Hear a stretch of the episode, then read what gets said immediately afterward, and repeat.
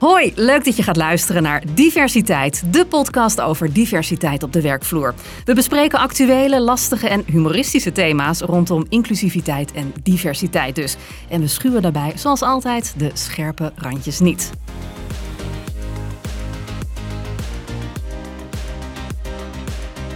Deze keer gaan we het onder andere hebben over kleur. En dan bedoel ik niet zwart of wit of alles ertussenin, maar rood, blauw, geel, groen, alle kleuren van de regenboog. En hoe je met al die kleuren als werkgever of bedrijf een zo goed mogelijk team kunt samenstellen. Mijn naam is Hannelore Zwitserloot en ik zit hier weer met Okko Leiding, Managing Director van Harvey Nash Nederland. En Renzo Durlo, oprichter van Green Fox Social Return, die meepraten vanuit hun eigen ervaringen en hun eigen bedrijf. Welkom weer, heren. Dankjewel. Dank je. En deze keer is onze gast Jos Slootstra. Hij zit in de Raad van Commissarissen van de Rabobank. En hij is eigenaar van Dacon ICT-diensten. En Dacon dat staat al meer dan 17 jaar voor het op persoonlijke wijze mensen en organisatie laten groeien, verbeteren of automatiseren. En uh, ja, Jos, welkom. In deze dankjewel. podcast. En ik heb begrepen dat Okko een groot fan van jou is. Nou, dat, dat begreep ik ook net. Dus ik, ik ben eigenlijk heel benieuwd waarom Okko dat Ja, vindt leg eens eigenlijk. uit, Okko. En wa- wat ik eh, eh, mooi vind aan eh, Jos, je noemde net al ICT, toch weer zo'n zo'n mannensector. Ehm, maar Jos is actief bezig om diversiteit in zijn onderneming door te voeren. Eh, dus ik dacht dat het super interessant zou kunnen zijn om eh, naar Jos te kunnen luisteren vandaag. Zeker. En Jos, wij- wij spraken elkaar vooraf al even. En je zei, ja, wat is bijzonder wat ik doe? Ja, ik help mensen, ik regel dingen voor mensen. Maar volgens mij was dat een beetje te kort door de bocht. Nou, ik, ik vind het zelf inderdaad helemaal niet zo bijzonder. Maar Okko die gaf terecht van, ja Jos, kom op. Kom even langs, ga eens even vertellen wat je doet. Want volgens mij moeten we er iets meer van weten. Nou, ik zit. Heel goed, dankjewel. Ja, allereerst vragen we aan al onze gasten, wat versta jij onder diversiteit? Ik vond het heel moeilijk. Dus op een gegeven moment, ik heb gewoon Google gepakt en eh, diversiteit, en in dit geval ook inclusie. En wat ik wel een mooi plaatje vond op Google, is dat je het opzoekt, is dat alle puntjes met alle kleurtjes eh, in dezelfde cirkel staan. En dat vond ik eigenlijk wel een mooie definitie van eh, inclusie. Ja, dus En, zo, zo zie je dat voor je, dat ja. iedereen binnen diezelfde Ja, cirkel valt. Ja, dus, en dat maakt niet uit waar je staat, wie je bent, wat je doet, maar we staan allemaal in dezelfde cirkel. En we worden niet anders behandeld of we hebben een cirkeltje in een cirkel. Nee, we zijn met z'n allen in dezelfde cirkel. Dat vond ik wel een mooie metafoor. Dus ja, En, eh, en dat welke, is wel waar ik achter sta. welke soort verschillen eh, focus jij dan op? Nou, ik focus dus vooral niet op de verschillen. Snap ik, maar welke dingen negeer je dan bewust? Nou ja, wat je, wat je ziet is, ehm, als we dan over Dacom bijvoorbeeld hebben, waar ik vind dat we nog helemaal niet zo goed doen, want er kunnen veel meer vrouwen bij en er kan veel, veel, veel meer gebeuren qua diversiteit. Maar dat we vooral letten op wat hebben we nodig. En dan gaan we vooral zoeken op wat we nodig hebben. Dat is niet zozeer een persoon of een man of een vrouw, eh, maar iets wat we nodig hebben in het bedrijf qua competenties. En als, die competenties zetten we ook uit. En ook heel breed. Hè. We hebben laatst iemand aangenomen, die was hiervoor eh chef-kok. We hebben iemand aangenomen die is eh, voor 95% blind. Eh, maar die moet bij ons op de lijn zitten. Eh, en ja, als je heel goed kan praten, dus audio vooral in zijn geval. eh, hij heeft een visiebeperking, maar hij kan heel goed in spraak mensen helpen. Ja, dan vinden wij wel een oplossing voor dat scherm. Want we zijn een IT-bedrijf, dus het is wel best wel moeilijk als je 95% minder ziet dan gemiddeld. Om mensen goed te helpen, maar daar vinden we dan wel weer oplossingen voor. Dus vooral de, het doel van de functie is voor ons belangrijker in de werving. Eh, en in werving, als je ja, mensen binnenkrijgt, gaat het natuurlijk om de mens. Past de mens bij de culturele waarde van je bedrijf? En ja, daar zijn we wel druk mee bezig om dat passend te krijgen. Ja, want nu zijn we aanbeland bij de kleuren, hè, waar, waar ik het net al over had in de introductie. Eh, rood, geel, groen, blauw, leg uit. Nou ja, iedereen kent denk ik wel ook hier in de Kamer de kleuren testen. Eh, dat is een onderdeel van ons assessment vooraf als je bij ons mag komen werken. We hebben nog andere assessments. Eh, vergeef mij de namen, want Emiel Siegrink eh, doet dat eh, voor ons. Eh, doet hij ook overigens hartstikke goed, samen met onze HR-afdeling, om mensen echt te scouten, te werven en te integreren. Ehm, ja, ga ik wat namen doen, maar Suzanne Kaspers doet voor ons, eh, is niet eh, HR-manager, maar People Engagement Manager. Eh, waarom ook die definitie? Omdat we vinden dat we people moeten engage in ons bedrijf en niet de ouderwetse HR. Eh, het is niet human resource, maar human capital, zeg ik altijd. En dat vind ik wel een groot verschil. Eh moeten we misschien een andere keer bij stilstaan. Ja. Eh, eh, maar als we dan hebben over kleurtjes. Ja, kleurtjes is een onderdeel van die test. Dus wie ben je nou? Misschien kent iedereen wel een kleurtest. Als je op blauw bent, ben je heel erg eh, Ja, ik structureel. heb ooit een keer zo'n test gedaan, maar is dat, is dat dan één test of zijn er heel veel verschillende Ja, het zijn tests? 210 vragen. En als je die test aan het maken bent, denk je, wat ben ik in godsnaam aan het maken? Want ik krijg steeds dezelfde vragen. Dat gaat van links en naar rechts. En na vraag 100 denk je, ben ik nou eens een keertje klaar? En dan krijg ik weer dezelfde vragen. Ja, dat klopt. En het grappige is, en ik vond het zelf ook altijd heel interessant, als je daar zo'n test hebt gemaakt, dan denk je van, dit kan niet. Dit, hier kan niet een uitslag uitkomen die definieert wie ik ben. En toch klopt het altijd voor 95%. En dat is super interessant. En hoe ziet zo'n uitslag eruit? Nou, zo'n uitslag ziet eruit als een, nou, hetzelfde. Misschien de cirkel komt weer terug. Het is een cirkel die verdeeld is in kleuren. En die cirkel geeft aan welke voorkeurskleuren heb je. Dus vanuit geboorte. Dus niet zozeer aangeleerd. Dus gewoon, je bent net geboren, we geven je iets, waarmee ga je spelen? En met de auto, met de trein of met de Barbie. Nou, mijn buurman gaat dan met de Barbie spelen. En, dat is mooi ook al. ja. ja. En, uh, en dan... Uh, en daar komt iets uit. Dus van geboorte heb je iets uh, vanuit je DNA meegekregen. Dat en even voor de beeldvorming. Rood is dominant, weet ik dan nog net. En geel, en welke kleur heb je? Je hebt verschillende kleurentesten ook nog eens in dat spectrum. Dus je hebt kleurentesten met zes kleuren. Je hebt kleurentesten met vier kleuren. Maar laten we misschien maar even vier basiskleuren pakken. Even makkelijk houden. Blauw ben je heel gestructureerd. Groen ben je heel erg van de mens. Dus, uh, kun je, ben je amabel, kun je snel contact maken. Geel ben je heel erg expressief jezelf. Uh, iets minder resultaatgericht, maar vooral creatief. En rood ben je zeer resultaatgericht. En ga je overlijken, om maar even heel zwart-wit allemaal te maken. Dus, dus blauw is van de structuur, rood overlijken. Oranje ben je heel erg creatief jezelf. En groen ben je goed met andere mensen verbinden. Maar ik zeg niks over de kleur van Harvey Nash. Nee, nee dank. maar deze duur mag ook rood, worden. dus ik weet niet wat hier gebeurd is. Maar. Ja, en als ik dit zo hoor, wil je, wil je zo min mogelijk uh, rode types? Nee, je, je, wil alle types. Want uh, uh, een team is zo mooi als dat hij maar rond is. Dus daarom is de cirkel denk ik een mooie metafoor. Als je verschillende typologieën in een team hebt, word ik bijna een, een assessment psycholoog, maar dat ben ik absoluut niet. Ja, ik snap het. Als je maar alleen maar gele, dan, dan, gele dan, mensen hebt, dan kom je, heb je allemaal mooie plannen, maar kom je nergens. Daar kom je nergens. Ja. Je moet ook rode mensen hebben die het waar kunnen maken. Je hebt ook groene mensen nodig die dat wel kunnen verbinden aan andere mensen, omdat we het met elkaar gaan doen. En je hebt ook wel even blauwe mensen nodig die dan even kunnen zeggen van joh, het moet wel zo ja. en zo gebeuren, want anders gebeurt er ook weer niks. En dan heb je een rood iemand die we nodig hebben. Wanneer gebeurt er dan wat? Dus en zitten daar dan verhoudingen in? Mensen nodig. Dus dat je bijvoorbeeld één rode hebt en er mogen dan wel vier blauwe mee. Maar je moet niet vier rode hebben met één blauwe, want dan wordt, wordt die blauwe opgegeten? Uh, dat hangt heel erg af van de opdracht en het bedrijf. Dus in sommige bedrijven heb je veel meer rood nodig dan, uh, dan groen enzovoorts. Dus het hangt heel erg af van de opdracht en wat je wil gaan doen met elkaar. En is het nou ook zo dat mensen bijvoorbeeld met een andere culturele achtergrond vaker een bepaalde andere kleur zijn? Dat die bijvoorbeeld creatiever zijn? Of ja, ik heb geen nou, idee dat, dat hoor. Is dus, maar... Dat is dus het mooie. Hè? De, de test die begint dus met wie ben je eigenlijk echt. Dat klinkt heel erg zweven misschien, maar die komt echt van hoe ben je nou geboren? Nou, het fijne is, we zijn maar allemaal als, als mens geboren. Dus we hebben wel verschillende voorkeuren, maar zonder opvoeding nog. De tweede gedeelte van de test gaat over hoe ben je ontwikkeld. Ja. Dus ingewikkeld in dit geval. Als je het voor je zou zien, zie je het als een, nou, misschien een mummie kennen we wel, van een hele grote deken. In die eerste vaak 30 jaar van je leven word je ingewikkeld in die deken. Door opvoeding, door school, door vriendjes. Dan wikkel je in. Uh, en in die inwikkeling vorm je ook een persona van jezelf. En daarna zijn we vaak 30 jaar bezig om dat weer te ontwikkelen. Ja, dat dan, doen we dan, dan, ook in de theorie. We gaan ontwikkelen. Dan denk je bijvoorbeeld, ik ben niet creatief. Ja, terwijl je dat misschien wel. wel bent. Want het ja. mocht niet van je ouders, dus je mocht niet piano spelen, want nee, jij, jij gaat op voetbal. Ja. Dan ga je maar op voetbal. ja, en dan doe je volgens jouw test en dan ben je hartstikke geel. Dan denk Ja. je, oh, Nou, dat is dus soms ook heel confronterend. Als je dus ziet van in de metafoor, je wilde eigenlijk altijd pianist worden, maar je bent gepusht om voetballer te zijn, want dat was nou eenmaal zo. Dan ga je jezelf echt wel terug eh, eh, zien van, oh shoot, eh, ik ben toch iets anders. Dat voel je ook altijd wel. Ja, maar ik kan me bijvoorbeeld voorstellen dat mensen met eh, ja, een beperking noem ik het dan even. Bijvoorbeeld als je slecht ziet, dat je dan misschien automatisch creatiever bent geworden. Nou, het, het interessante is in dit geval van het voorbeeld van... ik heb nu twee mensen bij ons werken die slecht zien. Want het trekt elkaar ook aan. Die andere jongen die werkte ergens anders, maar werd nou, niet inclusief behandeld. Laten we het daar even op houden. Eh, en die hoorde van zijn goede vriend van... joh, eh, hier, tenminste vanuit zijn perspectief wel. En daarom is hij ook overgekomen. Wat ik bij hen twee zie, is dat ze juist op jonge leeftijd... omdat ze een beperking hebben, eerder tot zichzelf eh, gekeerd zijn... om echt intrinsiek te kijken van wie ben ik nou? Ze worden minder afgeleid juist door die inwikkeling van de wereld waar we in ons leven. Dus dat is wel een mooie eigenschap om te zien dat ik vaak zie juist dat als je of minderheid bent geweest of je bent nou, ergens buitengesloten geweest, wat helemaal niet leuk is, hè, laat het even duidelijk zijn. Het voordeel daarvan wel is, wat ik zie in de maatschappij, is dat je dan wel vaak beter jezelf kent. Komt ook uit onze testen vaak. Ja, dus je hebt meer als soul searching kunnen doen. Ja, Ja, je bent jezelf gewoon vaker tegengekomen. Hoe moeilijker het leven, vaak hoe vaak je jezelf tegenkomt. En dan moet je ook wel naar jezelf kijken. Dus eigenlijk mensen die uh, een tijd een uh, afstand tot de arbeidsmarkt hebben gehad, maakt dat Ja. dan uiteindelijk ook weer betere werknemers van, omdat ze zichzelf beter kennen. Nou, absoluut. Als je dus uh, oprecht gaat kijken van wat kun je goed, en iemand weet dat al wat langer van zichzelf, kan hij datgene wat hij goed kan ook beter doen.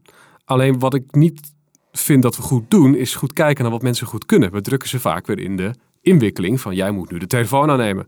Maar misschien is deze persoon wel heel goed, ik noem even een andere baan, een doos uitpakken die binnenkomen. Ja, dat geeft helemaal niet. We kijken niet naar hoog, laag, beter of minder betaald. Nee, waar ben je nou echt heel goed in?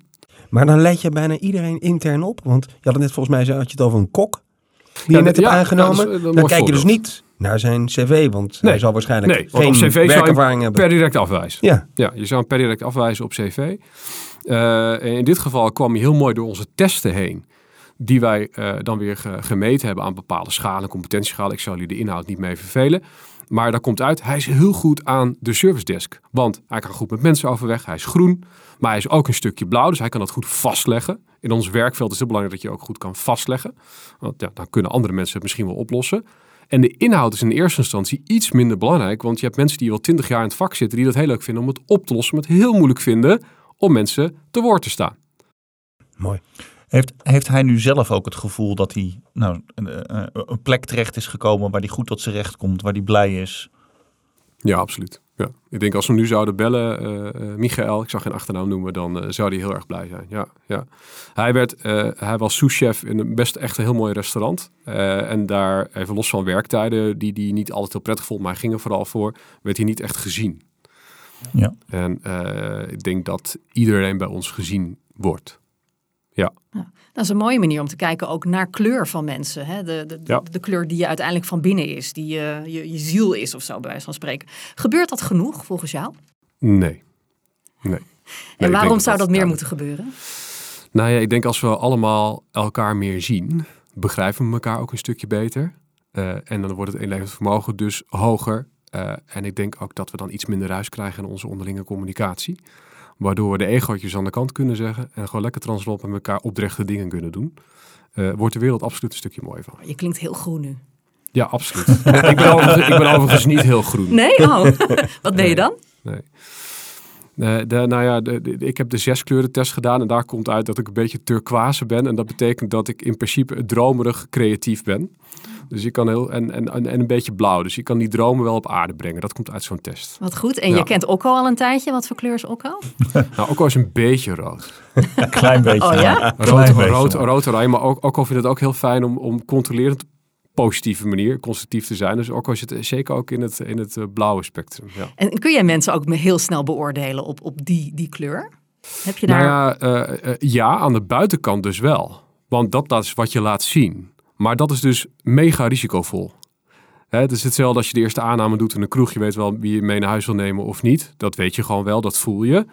Maar als je echt gaat praten, dan zou er misschien een hele andere de conclusie uitkomen. Ja. Dat is ook waar je op zoek naar bent. Dus in een normaal sollicitatiegesprek komt dat niet naar voren dan. Nou, dat moet je dus wel gaan doen. Ja. Dus je kan, eh, de eerste aannames zijn goed. Je even uitspreken. Hey Orko, eh, volgens mij ben je heel blauw of niet? Wat bedoel je met blauw? Nou, dat moeten we eens even uitleggen. Eh, maar Komen we bij die kroeg uit. Ja, ja, ja. Dus, dus de, dus de eer- eerste aannames uitspreken is denk ik hartstikke goed om te doen. Maar je kan ze ook gaan onderzoeken. Nogmaals, uit die test komt wat je laat zien en wie je bent. En de wicht tussen wie je bent en wat je laat zien, nou, die is interessant natuurlijk om met elkaar door te nemen. Want hoe verder dat van elkaar afstaat, hoe langer in dit geval ik als organisatie bezig ben, je te bewegen naar jezelf. En geloof me, dat is niet heel makkelijk. Want de inwikkeltijd van iemand is net zo lang als de ontwikkeltijd. Dus als iemand 40 jaar lang zichzelf niet is geweest, nou geloof me, dan ben je op je tachtigste nog niet klaar. Dus, dus, dus, dus, dus ik heb liever eh, jonge gasten of dames, het maakt niet uit, die eh, eh, echt wel iets van zichzelf weten. En het mooie is inderdaad, ik heb liever mensen die zichzelf hebben gezien. En dat zijn inderdaad op dit moment toch wel vaak mensen die iets mee hebben gemaakt. Ja. Ja. Nou, mooi is dat. Ja. Ja, een soort eh, pre-trauma of zo. Een pre als een eh, rijbewijs, afgeronde opleiding, trauma. Ja. Ja, dan, zo klinkt het bijna wel. Hoe meer je hebt meegemaakt, hoe meer je jezelf kent, hoe beter je eigenlijk van toegevoegde waarde bent voor een onderneming. Of ben ik nou heel kort door de bocht? Nee, dat denk ik wel. Oké. Als je dat maar weet te zien als onderneming. Als je dat ziet als burden, wat vaak wel gebeurt nog. Van nou, die heeft heel veel, heel veel rugzak zeg. Die, gaan we, maar- die is twee keer overspannen geweest. Nou, die gaan we maar niet aannemen. Die snap ik. Maar ja, dat komt misschien omdat je als groen persoon in een rode functie bent gezet. Ja. Ja, als je, als je te lang iets doet wat niet bij je past, dan word je overspannen. Ja. Te lang.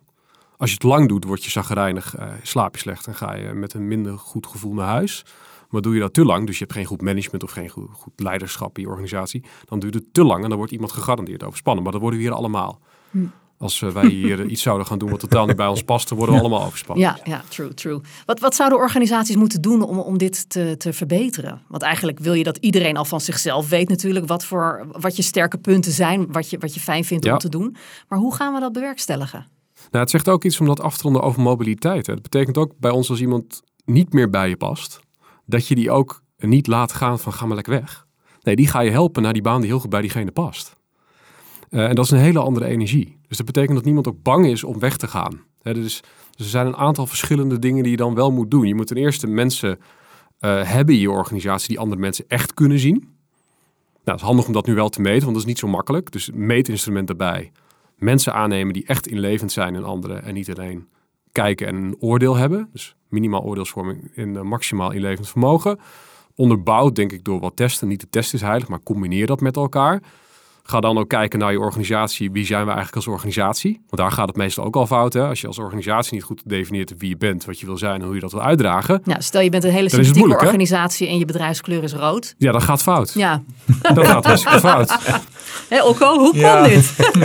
ik weet ook niet waar dit mis is gegaan, maar Ja, maar ga door. dus- ja. dus- Morgen een nieuw dus- logo. Ja, een ander kleurtje. Nee, maar de, de, dus dat, dat moet je wel van, van jezelf als organisatie weten. En dan komen we weer op leiderschap. Vaak is de leider van de organisatie drager van de cultuur. Ja. Dus degene naar wie iedereen kijkt, die moet het goede voorbeeld geven. En als je een leider hebt die alleen maar in zijn eigen kantoor zit en niet meedoet. Nou, dat kan, dat, en als je zegt dat je als organisatie meedoet, ja, dat klopt niet. Dus, en vaak worden de leiders niet aangesproken door, in dit geval misschien nog wel even de HR-afdeling, want dat vind ik wel een belangrijk onderdeel wat vaak, eh, waar vaak te weinig eh, mandaat ligt. Het is vaak een ondersteunende organisatie en niet een meedenkende organisatie. Dat gaat nu steeds beter, maar ik denk dat alle HR-mensen hier in Nederland dat zullen herkennen dat ze echt nog wat meer mandaat zouden willen hebben. Nou, daar moet de leider van de organisatie voor openstaan. De aandeelhouder van de organisatie kan ook besluiten om dat te gaan regelen. Dus de aandeelhouder van de organisatie moet er eigenlijk voor openstaan. Ik zeg altijd, de vrouw van de aandeelhouder besluit hoe de organisatie ontwikkelt. Als de vrouw van de eigenaar, in dit geval helaas nog wel een beetje de typologie, sorry voor deze inclusie, Nou ja, maar dat is toch wel vaak de Vooruit, waarheid. het is je vergeven, ja. Die willen een nieuwe boot. Nou, dan gaat de organisatie een andere weg op dan dat de vrouw van de eigenaar zegt van... eh, ja, laten we eens investeren. Dus, dus de, uiteindelijk begint het bij de aandeelhouder. Als de aandeelhouder besluit, we gaan leiderschap aannemen die past bij de kernwaarden ons, van ons bedrijf. En wat zijn die kernwaarden nu eigenlijk? Want die kunnen ook best wel veranderen in 30 jaar. Dan zoek je een leider die daarbij past. En dan begint pas de rest. Dus We ik denk dat daar het wat in, uitdaging eh, ligt. Ja, mooi. Want we hebben het in deze podcast ook gehad over dwingen. Dus Mhm. moet je op een gegeven moment door middel van een quotum op een andere manier inclusiviteit eh, afdwingen. Zou je ook door middel van eigenlijk kleurentesten of hoe je het ook noemt, eh, krijg je dan niet automatisch diversiteit? Ja, dat denk ik wel. Ja, ik denk dat je autonoom, als je echt oprecht gaat kijken naar mensen, diver, de inclusiviteit en diversiteit gaat krijgen. Want dat kan niet anders. Want als je een team oprecht samenstelt, meestal verhullen we wat we echt goed kunnen. We hadden het net over zingen. Iemand heel diep van binnen weet, ik wil gewoon zingen in een theater. Maar durft vaak niet en wordt ook niet ondersteund door de omgeving. maar in heel veel gevallen ook heel goed, hè? Ja, soms wel. Er zijn maar weinig mensen die Ja, echt kunnen soms- zingen. Ik wilde Soms heel graag soms zingen, maar ik het is ook, echt waardeloos. heel goed idee dat ik En dat niet Echt hoop heb. ik dat mensen eerlijk zijn. Dat je, dit gaat echt helemaal fout. Dit moet je gewoon heel eerlijk bij mij, heel eerlijk. Ja. Maar we hebben ergens programma's gehad die, eh, die daar ook wel uh, confronterend waren. Maar de, de, laten we daar helemaal stip, niet ja. over hebben.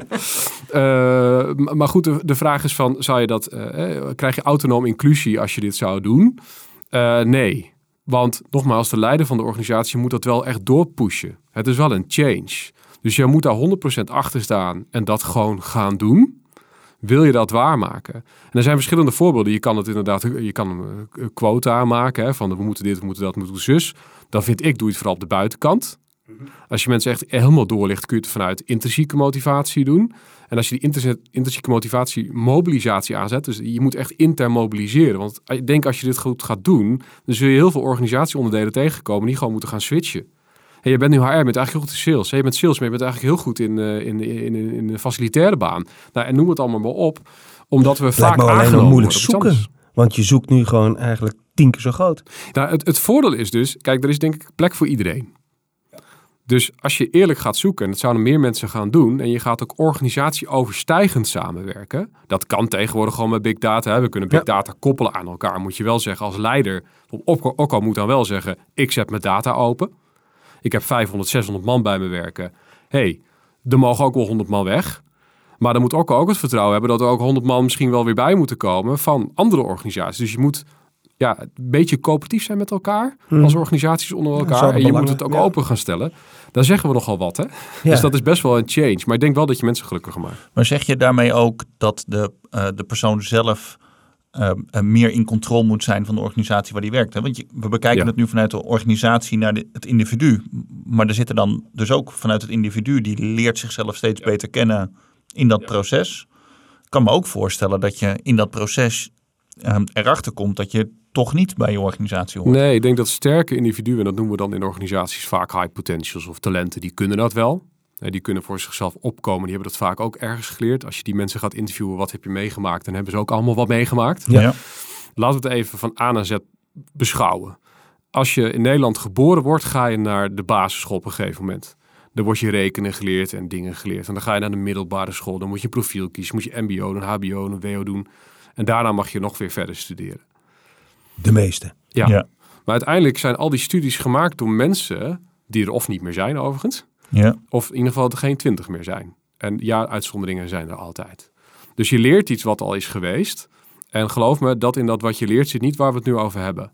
Dus voor iemand die gemiddeld van school komt, in mijn metafoor, is opgevoed tot schaap en niet als herder, hè, behalve de talenten. Ja. De talenten zijn dan vaak herder, daarom zijn ze ook snel gespot als talent, maar die hebben vaak wel wat meegemaakt. Maar ik denk dat je in de eh, eh, scholing, want dat is daar veranderd denk ik, echt wel een change moet gaan maken naar zelfleiderschap in plaats van alleen externe variabelen leren. Dan ga je een beweging maken. Dus het, het begint wel bij scholing. En dan past dit natuurlijk het beste binnen ICT, want het is veruit de snelst ontwikkelende. Mega snel ontwikkelende sector. Anders hou je het ook gewoon niet bij. Nee. Anders en anders wordt, raak je per director gewoon overspannen. Als je in IT iets doet, met eh, zeker bepaalde vakgebieden in de IT, dan gaat het gewoon te snel en dan ga je gewoon los. Dan houdt het gewoon op. Dus je moet daar ook wel secure zijn van jezelf. En hoe word je secure van jezelf? Dat je eerst toegeeft dat je heel onzeker bent. En als je onzekerheden gaat verkennen, dan word je wat zekerder. Klinkt zo logisch, hè? ja, Klinkt zo logisch. Dit had ik zelf toch kunnen bedenken, of niet? dat had gekund. De kans was klein.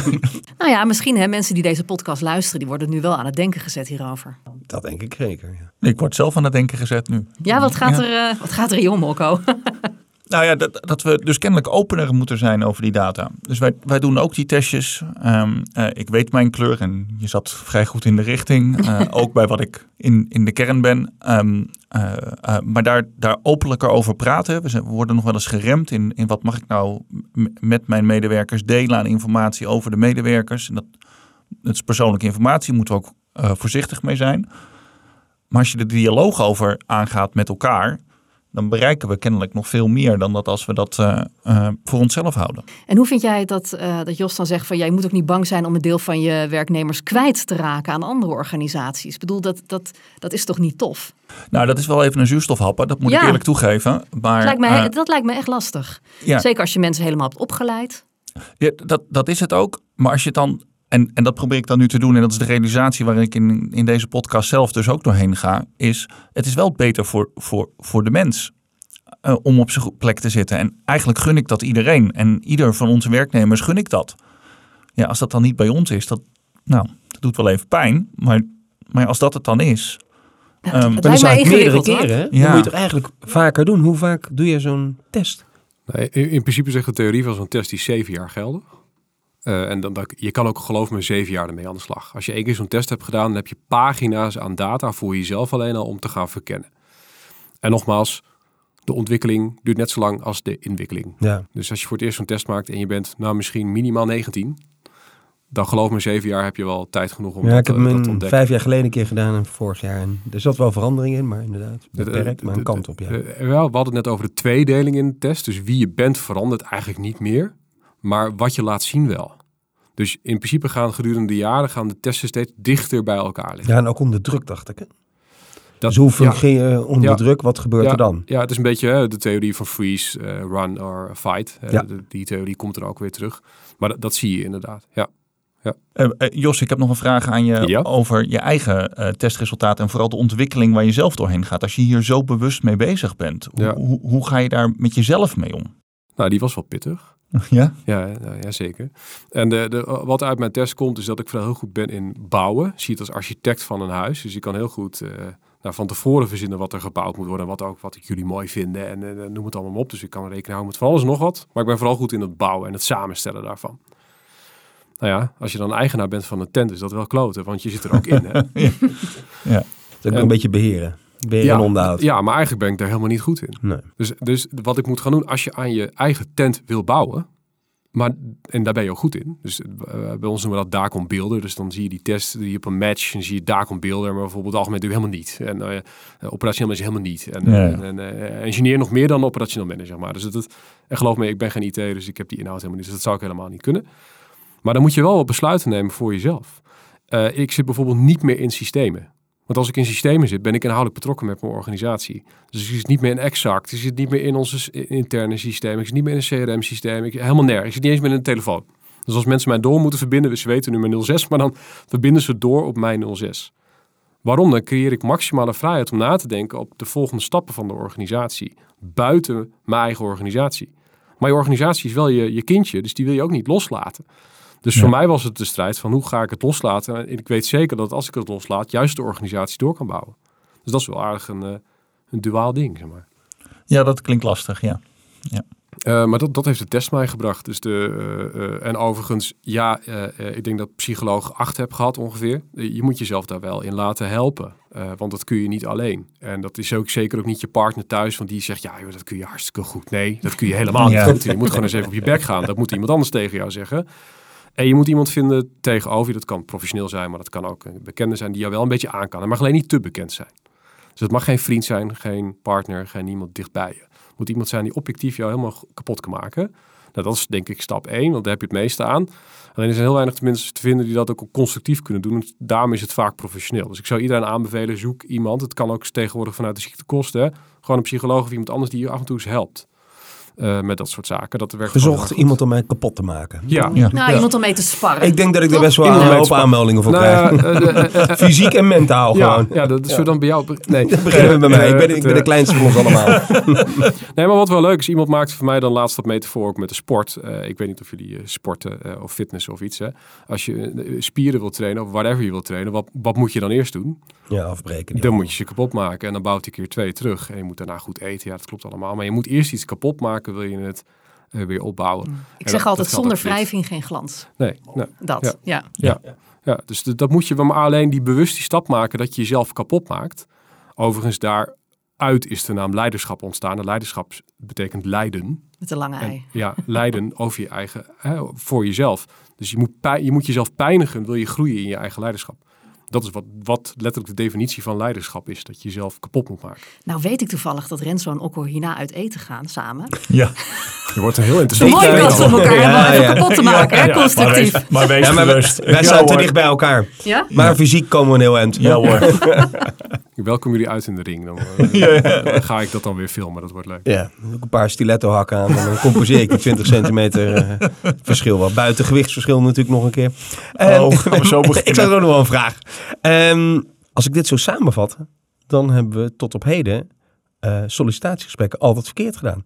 En hoe gaan we nou een cultuur creëren waardoor mensen anders gaan kijken van ik heb een blauwe, gele of rode nodig in plaats van een data engineer. Nou ja, dit, eh, bel, bel Emiel zou ik zeggen. nee, maar kijk heel plat. Ik, eh, ik heb het meegemaakt, dus je kan erover meepraten. Maar ook als je dit wil doen, moet je iemand bellen die je daarbij gaat helpen. Eh, want je kan het niet alleen. Eh, en ja, je kan zeggen we hebben het allemaal verkeerd gedaan, maar we hebben het ook gewoon maar gewoon gedaan. Dus ik, ik denk niet dat het verkeerd is. Ik denk alleen dat we dat gewend zijn om te doen. En we zetten nu met alles wat er nu gebeurt, met social en alles wordt veel opener. Daar ben ik heel blij mee. Dus er wordt heel veel data is ook zichtbaar voor ons. Hè? Eh, ik kom ook nog uit een tijd van Niels Hoogezonde en de Gans, zeg maar. Dus, Ja, dus, dus, dus, dus, dus dat was wat je kon kijken. En nu kun je je telefoon open doen en je hebt de hele wereld aan je voeten liggen. Hoe ga ik daar nou eigenlijk mee om? Dus de wereld is zichzelf al aan het ontwikkelen om daarmee om te gaan. Dus dat is denk ik een fijne eigenschap. Dus ik denk dat we een voorloper nu aan het praten zijn wat er gaat gebeuren. En ik denk ook zeker dat generatie nu zeker onder 20 daar ook heel erg mee bezig is. Wat ben ik nou, wat wil ik nou, wat wil ik nou vooral niet? Dat laatste wordt, dat speelt nu heel erg, wat ik vooral niet. Ja. Maar dat is denk ik heel erg mooi, want weet je in ieder geval wat je niet wil. Ja. Ehm, dat zie ik nu ook bij onze sollicitaties gebeuren. Van ja, ik wil dit niet, ik wil dit niet. Ik wil twee dagen werken in plaats van vijf. En ik wil eigenlijk 10.000 euro per maand. En voor twee dagen, en nou moet je soms een beetje Precies, corrigeren. zo'n autootje. Ja, precies. Dan moet je soms een beetje corrigeren. Maar het, het zijn wel denk ik de goede bewegingen die nu plaatsvinden. Eh, en ik hoop dat de schoolgemeenschap hier ook naar luistert. En ik zie er ook al beweging in dat, eh, dat we zeker ook in de opvoeding daar wat eh, mee kunnen doen. Ik zeg niet dat wat we nu doen fout is, maar ik denk dat we iets moeten toevoegen op zelfleiderschap. En als je namelijk jezelf leert kijken, wat al best wel moeilijk is, Ja. eh, ja, dan kom je eerder in dit soort stappen. En dan gaan werkgevers, eigenaren van die werkgevers ook wel volgen. Want die zien dat het ook goed is voor de mens, wat ook al net zegt. En als we dingen doen die goed zijn voor de mens, eh, er is een bad karma, komt het ook wel weer terug. Tot slot, Jos, heb je nog één laatste praktische tip voor werkgevers om inclusiviteit te bevorderen en diversiteit? We hebben er al heel veel gehoord van je, maar nog een laatste. Nou, gooi, als je heel diep van binnen kijkt, je eigen aannames overboord. En ga eens echt helemaal transparant naar je organisatie kijken. Ehm, en ga dan toepassen wat we net hebben al gezegd. Ik denk dat dat wel mooi is. Jos Slootstra, bedankt voor dit gesprek. Dank jullie. En Okko en Renzo natuurlijk ook weer eh, bedankt. En jij bedankt voor het luisteren en graag tot de volgende aflevering van Diversiteit. En dan hebben we als gast ProRail HR-directeur Raymond van Hattem. Volg Harvey Nash en Green Fox via de socials en volg onze podcast Diversiteit via de website, zodat je niks hoeft te missen. En die website is diversiteit.com en dan schrijf je dus tijd zoals eh, de tijd op je horloge, dus met lange ei en Dirk aan het eind.